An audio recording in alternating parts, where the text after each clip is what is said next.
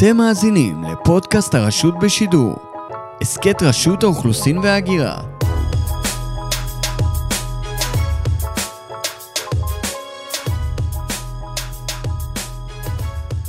שלום לכולם, ברוכים הבאים לפודקאסט מספר 5 על רשות האוכלוסין וההגירה. איתנו נמצאים היום יגאל דוכן, יואל ליפוביצקי. הנושא היום הוא נושא שהעסיק אותנו רבות בשנה האחרונה, קבלת החלטות נכונות או נכונות כמה שניתן בעיתות משבר, בתקופות של אי ודאות, כשאין מידע, אין לנו מספיק זמן לקבל החלטות, ועדיין אנחנו צריכים לקבל החלטה, בעיקר כשמדיניות המשרד היא להמשיך ברצף תפקודי של המשרד, להמשיך לעבוד. בשנים האחרונות כרשות האוכלוסין נתקלנו אה, או חווינו משברים מסוגים שונים, בעיקר משברים ביטחוניים או משברים פוליטיים. בשנה האחרונה התווסף משבר מסוג חדש שלא הכרנו, שזה היה נגיף עולמי, וגם איתו היינו צריכים להתמודד, וגם איתו היינו צריכים לדעת לקבל החלטות מהרגע להרגע, בלי מידע, כשמידע משתנה מרגע לרגע, כמה החלטות ביום, כמה הערכות מצב, ועל זה נרצה להרחיב היום. אז אה, יגאל אה, דוכן, יואל ליפוביצקי, תצ... לפני שנצלול לנושא, תציגו את עצמכם. בבקשה. אוקיי, okay, בוקר טוב לכולם, לכל המאזינים. אה, שמי יגאל דוכן, אני ראש מינהל ביקורת גבולות ברשות האוכלוסין וההגירה. מזה כעשר שנים, בעת מעבר המינהל ממשטרת ישראל אלינו לרשות האוכלוסין. בעברי הייתי אה, עוד עשר שנים בנתב"ג שאחראי מטעם משרד הפנים, מה שהיה בעברו משרד הפנים בנושא ביקורת הגבולות. ולפני הגעתי לתפקיד זה הייתי איש צבא, אני אלוף משנה בצה"ל בחיל השריון כך שכל נושא תהליך קבלת החלטות אה, בתנאי ודאות הוא לא זר לי, התעסקתי עם, אה, עם הנושא הזה לכל אורך חיי בכל מיני סיטואציות ולכן אה, הדבר הזה הוא דבר טריוויאלי שניתן אה, באמת ללמוד ממנו ותודה רבה על ההזמנה לתוכנית הזאת. אה, יואל. בוקר טוב, אני יואל ליפוביצקי, ראש מינהל אוכלוסין בשנתיים האחרונות. הצטרפתי לרשות האוכלוסין לפני כ-13 שנים, הייתי מנהל לשכת תל אביב במינהל האוכלוסין בעברי, לאחר מכן ראש מינהל עובדים זרים. וכפי שציינתי בשנתיים האחרונות אה, כראש מינהל האוכלוסין. אה, אני יכול להגיד שהשנה וחצי האחרונות היו באמת אה, מאוד מאוד מאתגרות ובטח אנחנו עוד בהמשך נרחיב על כך. תודה רבה. אז אני אשאל שאלה מנחה, שאלה ראשונה, איך מקבלים החלטה?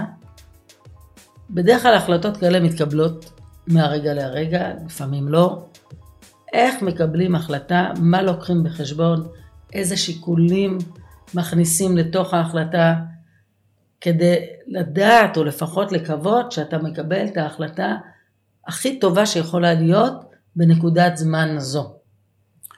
אוקיי, okay, אה, עכשיו, אני, אני רוצה להגיד דבר אחד נורא פשוט. כל הזמן מדברים על נושא של תהליך קבלת החלטות בתנאי ודאות. אני לא אוהב את המושג הזה, אני מודה. מכיוון שבתהליך קבלת החלטות יש שני מימדים או שני נושאים, אחד זמן, שתיים מידע. זאת אומרת ששני הגורמים האלה משפיעים על אה, קבלת ההחלטה, כאשר כמובן החלטה היא, היא, היא מה שנקרא אה, בחירה בין ברירות. וכמובן יש גם בתוך הבחירה בין ברירות יש גם נושא של תשלום על הבחירה. ולכן ככל שיש לך יותר זמן לקבל את ההחלטה וככל שיש לך יותר מידע לקבל את ההחלטה, המשמעות שאתה תקבל החלטה נכונה יותר. ולכן אה, הדבר הוא תלוי מצב. ואם אין לך זמן ואין לך מידע? אם אין לי זמן ואין לי מידע, אז אני מקבל את ההחלטה על סמך מה שיש, לא על מה שאין. שזה מה? מה אתה לוקח בחשבון? אני לוקח בחשבון את מהו המחיר, אה, מהו המחיר שאם אני אקבל החלטה אה, שאני מוכן לשלם עליו. זאת אומרת, למשל אני עוסק בנושא של אה, ביקורת גבולות ואנחנו אה, מנהל שעובד כאן ועכשיו ולא פעם ולא פעמיים היינו צריכים לקבל החלטות באמצע הלילה שזה פעם ראשונה הנושא הנמצא בגבול ואתה צריך לקבל עליו החלטה. האם עצם כניסתו למדינת ישראל זה יהווה נזק למדינה ונזק לנוסע או לא? זאת אומרת, האם אני יכול לחיות עם ההחלטה הזאת וגם לדעת לתקן אותה? וזה בעצם, אה, וזה בעצם המוטיב המרכזי בתהליך קבלת ההחלטה. כמובן שיש גורמים נוספים, כמובן שיש מימן זמן, אני יכול לבוא ולהגיד, אני לא אקבל עכשיו את ההחלטה, כי בעוד שעתיים לשכת מנהל האוכלוסין של יואל תיפתח ואז אפשר להתייעץ.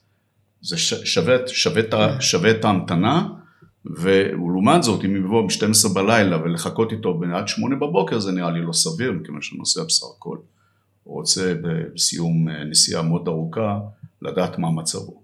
זהו. יואל, בדיוק הוא הרים פה להנחתה. אה, דווקא אצלכם גם התבטא מאוד נושא האי ודאות. כל ערב פרסמנו לציבור, אלה פתוחות, אלה סגורות, ערב אחר כך, אלה סגורות, אלה פתוחות.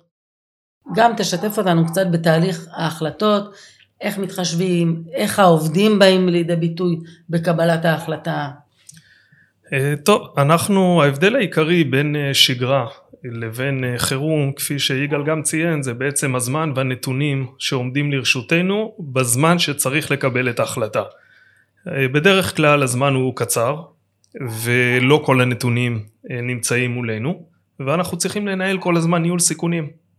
זה אומר שאם אני מקבל החלטה כזו, מה ההשלכות שלה? ואם אני מקבל החלטה אחרת, מה ההשלכות שלה? וצריך לקחת בחשבון בעיקר מה צר...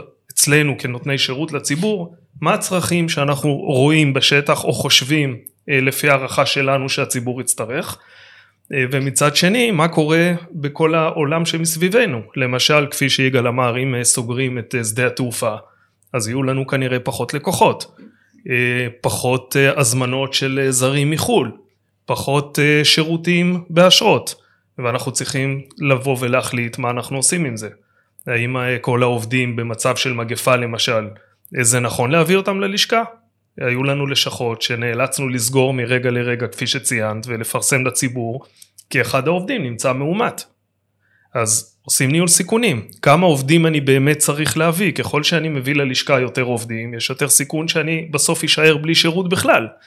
ולכן כל כמה שעות אה, התקופה הזאת אופיינה בהערכות מצב כמה פעמים ביום ללא הפסקה, כל הזמן מקבלים עוד נתונים ועוד נתונים, אה, כמובן שומעים אה, לתקשורת, שומעים למשרדי ממשלה אחרים, מתייעצים עם משרדי ממשלה אחרים ומשנים את, ה, את ההחלטות כל הזמן אה, בהתאם לניהול הסיכונים. אוקיי, okay, תודה. חמש עובדות שהציבור שרואה את הפודקאסט לא יודע על, על קבלת החלטות בזמן אה, חירום. טוב, אז קודם כל אה, אנחנו מינהל שעובד, אה, הוא מינהל מבצעי שעובד 24/7. אין מצב שהמינהל הזה עוצר, מתוך ראייה שבעצם אה, לא רואה את מדינת ישראל עוצרת את תנועת הנוסעים אליה וממנה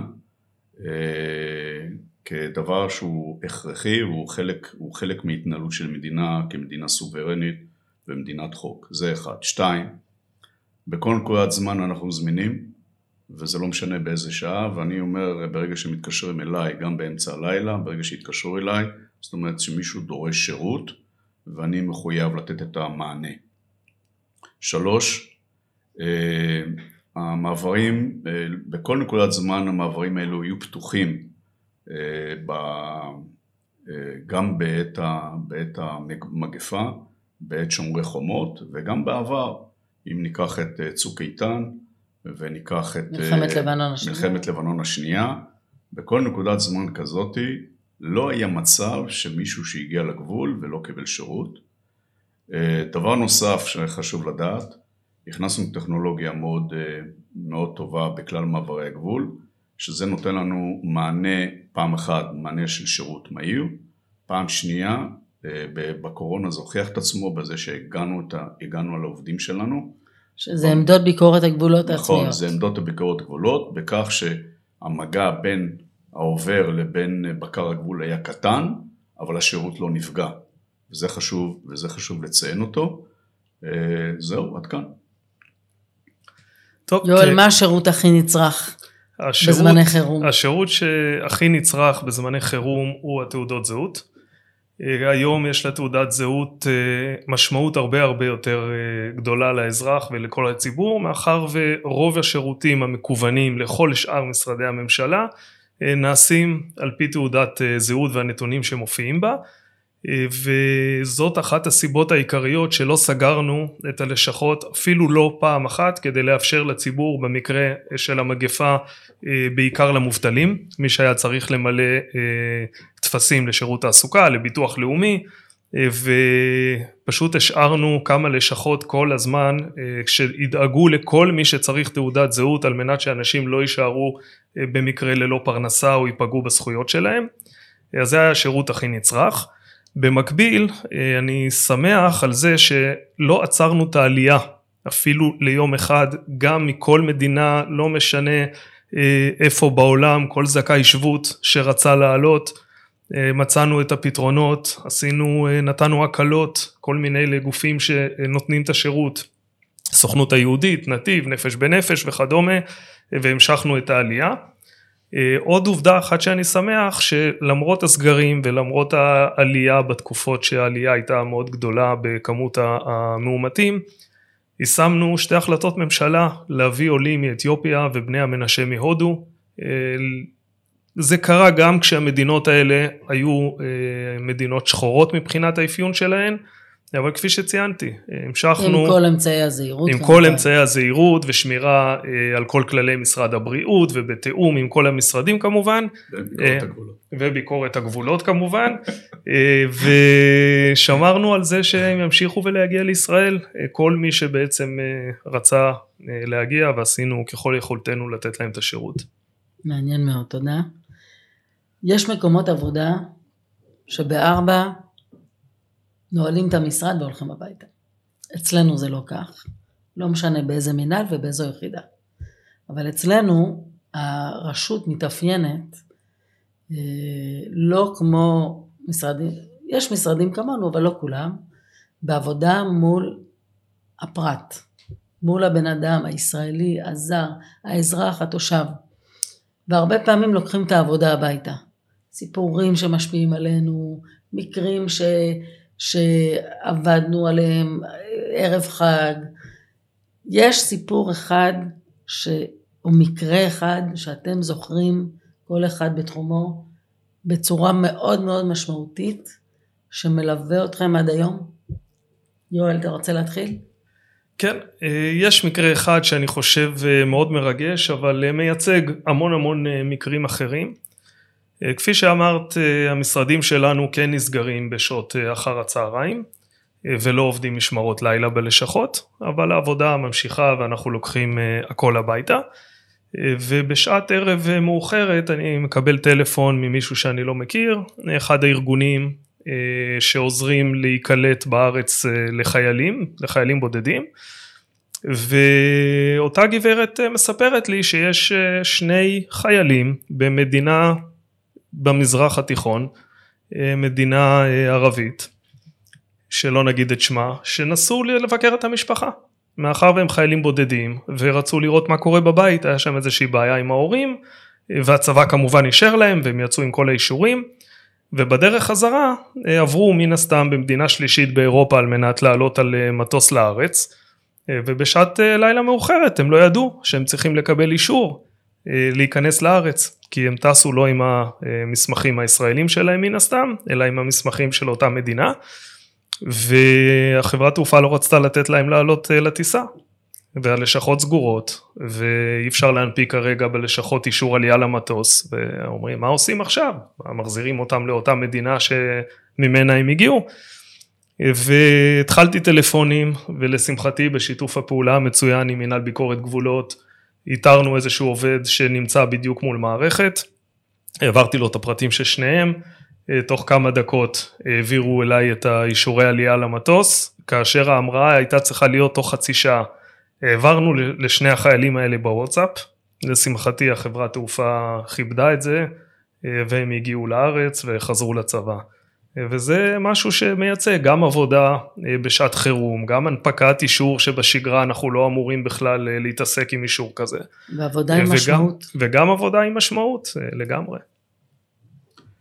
טוב, תראו, בביקורת הגבולות יש הרבה מאוד מקרים, כך שיש הרבה אוסף של מקרים. אני אומר, אה, בעיניי מקרים הם מקרים, אה, בדרך כלל מקרים הומניטריים, או מקרים שהם, אה, בסופו של דבר אתה מבין שהאדם עומד בפ- בפניך ולאו דווקא, ולאו דווקא המקרה כמקרה. ויש הרבה מאוד מקרים. אני, יש לי מקרה אחד שהוא זכור אליי מאוד טוב, זה היה פצוע צה"ל, שאני מתחבר אליהם מאוד כאיש, כאיש צבא לשעבר, שהיה צריך לצאת בצורה דחופה לחוץ לארץ לטיפול רפואי. הוא היה עיוור, והתקשרו אליי באמצע הלילה ואמרו לי תשמע ככה וככה ואני הייתי צריך לתת לו מענה במובן הזה של להוציא אותו עם דרכון ולכן הנפקנו לו דרכון בשדה התעופה בצורה מיידית על מנת שהוא יוכל לצאת לטיפול שלו אני חושב שהדברים האלה, כשאתה מסתכל בסופו של דבר, אתה, אתה צריך לראות שהאדם עומד מולך. זה לא עוד עובר שמגיע למדינת ישראל או יוצא ממדינת ישראל. זה לא משנה אם הוא, אם הוא ישראלי או זר, אתה בסופו של דבר צריך להבין שיש לך אדם מולך. ובגלל שהוא אדם מולך, אתה צריך להתנהג אליו בהתאם. כמובן, אתה צריך להבין יש לך כל מיני גורמים משפיעים, אם זה החוק, אם זה, אם זה התקנות, אם זה עוד כל מיני דברים אחרים, אבל אתה כאיש מקצוע וככזה שמקבל החלטות, צריך למצוא תמיד את הפתרון הנכון, כדי שבסופו של דבר הבן אדם יקבל את הפתרון הטוב וייצא מה שנקרא מרוצה עד כמה שאפשר. ובכלל אני בא ואני אומר את הדבר הבא, אנחנו מדברים על קבלת החלטות. כל סיטואציה יש לה פתרון. ואני בא ואני אומר שכל דבר הוא פתיר. עכשיו צריך למצוא את הפתרון הטוב ביותר.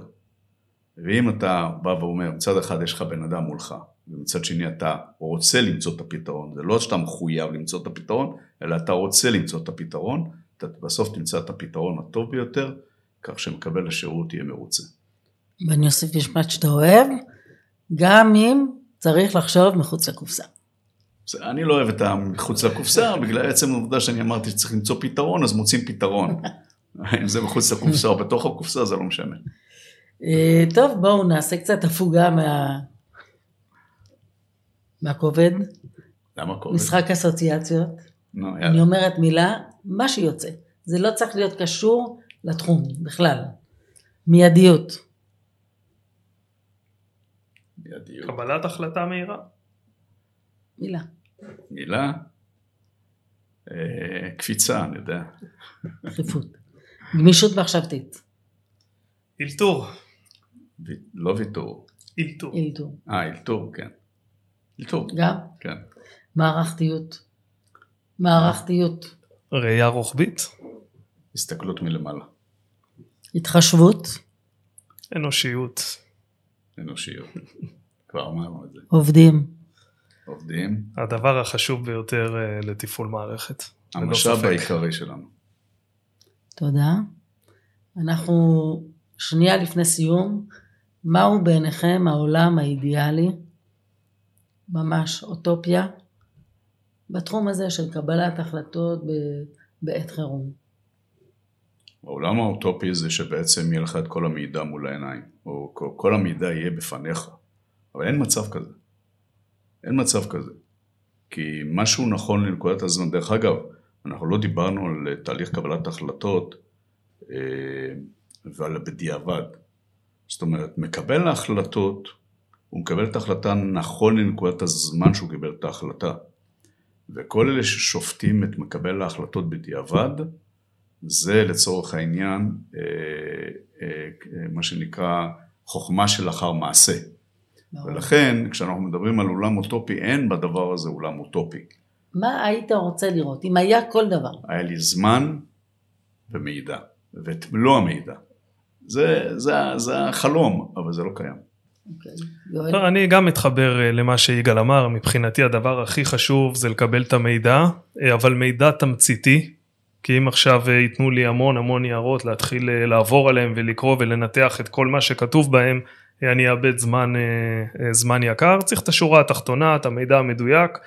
ואני חושב שגם היום שיש לכל אחד סלולר אז חשוב שיהיה לנו איזשהו קובץ נתונים קבוע באיזושהי טבלת אקסל או וורד כקובץ בתוך הפלאפון שאם צריך משהו אז תמיד אפשר להיכנס לראות את המספר בשורה התחתונה ולקבל החלטה לפי המידע הזה. טוב תודה. היה קצר האמת אבל ממצה. זה תחומים, אתם מובילים פה שני תחומים מאוד משמעותיים במשרד ובכלל משמעותיים למדינה. אה, זהו, תודה רבה אני לשניכם. אני רוצה להגיד עוד מילה אחת. בבקשה. ברשותך. תראי, אה, אני עוסק בתחום שהוא, אני גם, גם יואל אני מניח שהוא עוסק, אנחנו עוסקים בתחום שהוא בסופו של דבר שירותי. ואנחנו כמשרתי ציבור צריך להבין שאנחנו נותנים שירות. אבל הדבר הזה לא נגמר ביגאל דוכן, הדבר הזה נגמר בעובדים, מאחרון העובדים ועד ראשון המנהלים, או מאחרון המנהלים ועד ראשון העובדים, זה בכלל לא משנה.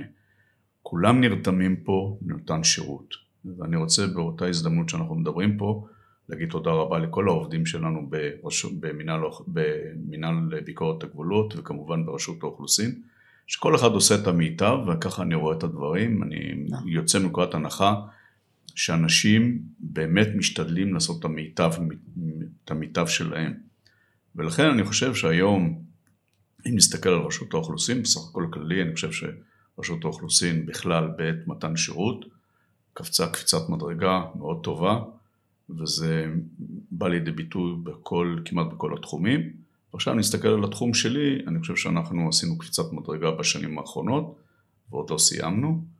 ואני מקווה ש... ואתה עושה לנו הכנה לפודקאסט הבא. נכון. שהוא על, לכם... על השירות ברשות. נכון, ואני עושה לכם הכנה לפודקאסט, הזמנת לי את זה, אז, אז אה, זה מה שאני עושה. בכל אופן, תודה רבה באמת לכל העובדים, ותודה רבה גם לשידור הזה, שאני חושב שהוא חשוב. יואל? אני לסיכום אה, רוצה דווקא אה,